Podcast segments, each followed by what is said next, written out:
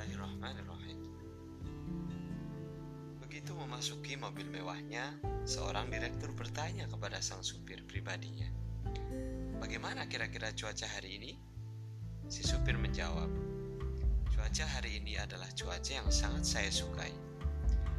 Merasa penasaran dengan jawaban tersebut, direktur ini bertanya lagi, "Bagaimana kamu bisa begitu yakin?" Supirnya menjawab, "Begini, Pak. Saya sudah belajar bahwa saya tak selalu mendapatkan apa yang saya sukai. Karena itu, saya selalu menyukai apa pun yang saya dapatkan. Jawaban singkat ini merupakan wujud perasaan syukur. Karena syukur merupakan kualitas hati yang terpenting. Dengan bersyukur kita akan senantiasa diliputi rasa damai, tentram, dan bahagia. Sebaliknya, perasaan tak bersyukur akan senantiasa membebani kita. Kita akan selalu merasa kurang dan tak bahagia.